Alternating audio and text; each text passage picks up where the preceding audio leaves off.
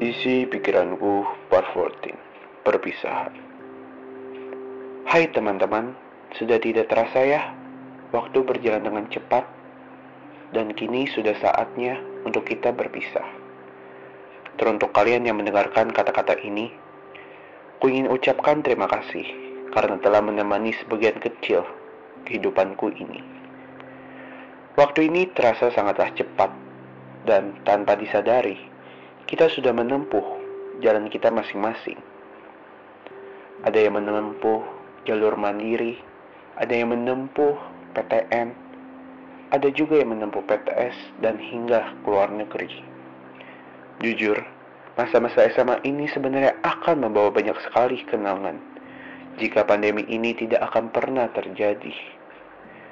Memang sangat sulit untuk meninggalkan suatu hal dan menjalani kehidupan yang baru dalam perpisahan ini, kita membawakan sebuah memori yang tidak akan pernah dilupakan.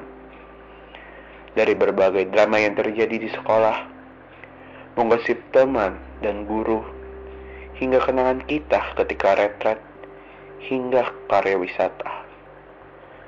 Sebenarnya diriku tak berharap banyak dalam perpisahan ini. Mungkin sebagian orang akan mengatakan, Hei, ketika kita berpisah jangan lupa kami ya. Walau begitu, pada akhirnya kita terhasut dalam berbagai kesibukan dan melupakannya. Sebagai kata terakhir, ku ingin meminta maaf. Maaf atas ketidakjelasan dan keanehan diriku. Maaf atas hal yang pernah kuucapkan dan menyakitimu.